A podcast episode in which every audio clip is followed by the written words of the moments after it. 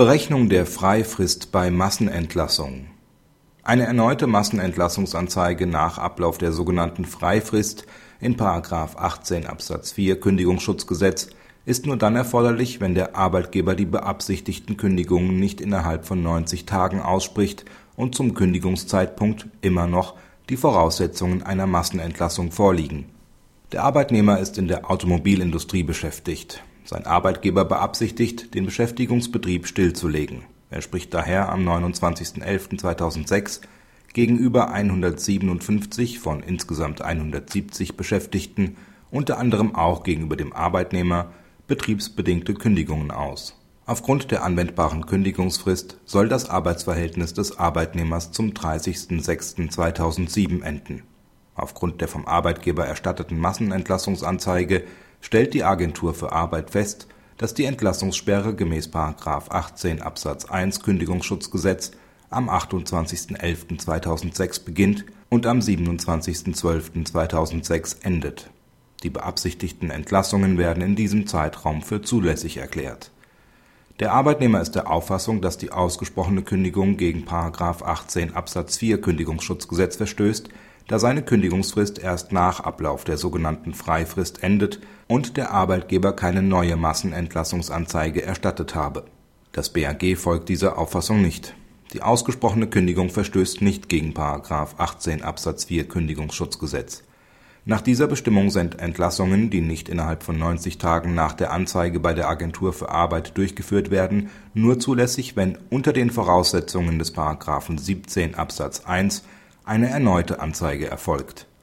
Dieser Verweis auf die Anzeigepflicht nach § 17 Kündigungsschutzgesetz ist so zu verstehen, dass der Arbeitgeber nur dann zu einer erneuten Anzeige verpflichtet ist, wenn es innerhalb der sogenannten Freifrist überhaupt nicht zum Ausspruch der geplanten Kündigungen gekommen ist und zum tatsächlichen Kündigungszeitpunkt immer noch die Voraussetzungen einer Anzeigepflicht nach § 17 Kündigungsschutzgesetz bestehen nur bei einer solchen Auslegung verbleibt ein sinnvoller Anwendungsbereich der Norm. Der Arbeitgeber muss immer dann, aber auch nur dann, eine neue Anzeige erstatten, wenn er von der Möglichkeit des Ausspruchs der Kündigung bis zum Ablauf der Freifrist keinen Gebrauch gemacht hat. Eine erneute Anzeige ist dagegen nicht erforderlich, wenn der Arbeitgeber kurze Zeit nach Erstattung der Massenentlassungsanzeige tatsächlich kündigt und lediglich die Kündigungsfristen nach Ablauf der Freifrist auslaufen ein solches Auslaufen der Kündigungsfristen erfüllt nicht die Voraussetzungen des § 17 Absatz 1 Kündigungsschutzgesetz, der verlangt, dass der Arbeitgeber zum Zeitpunkt der Anzeige zur Kündigung entschlossen ist. Bei Ablauf der Kündigungsfrist hat sich dieser Kündigungsentschluss bereits in der Vergangenheit realisiert.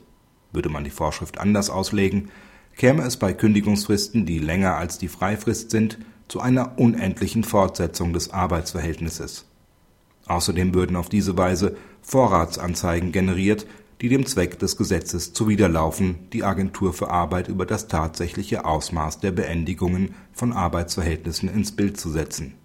Praxishinweis Das BAG hat sich mit der von ihm gewählten Auslegung der Vorschrift geschickt um eine Antwort auf die Frage gedrückt, wie der Begriff der Entlassung bzw. der Durchführung der Entlassung in § 18 Absatz 4 Kündigungsschutzgesetz auszulegen ist die Streitfrage wird in der Entscheidung ausdrücklich offen gelassen, wenngleich das Gericht seine Sympathie für die Synchronisation der Begrifflichkeiten in § 17 und 18 Kündigungsschutzgesetz deutlich macht. Die Vorschrift wird in der Praxis in aller Regel leer laufen, da es kaum Arbeitgeber gibt, die nicht unmittelbar nach Erstattung der Massenentlassungsanzeige die beabsichtigten Kündigungen auch tatsächlich aussprechen. Nur wenn ein solcher Ausspruch, aus welchen Gründen auch immer über längere Zeit unterbleibt, kann die besagte Norm überhaupt zur Anwendung gelangen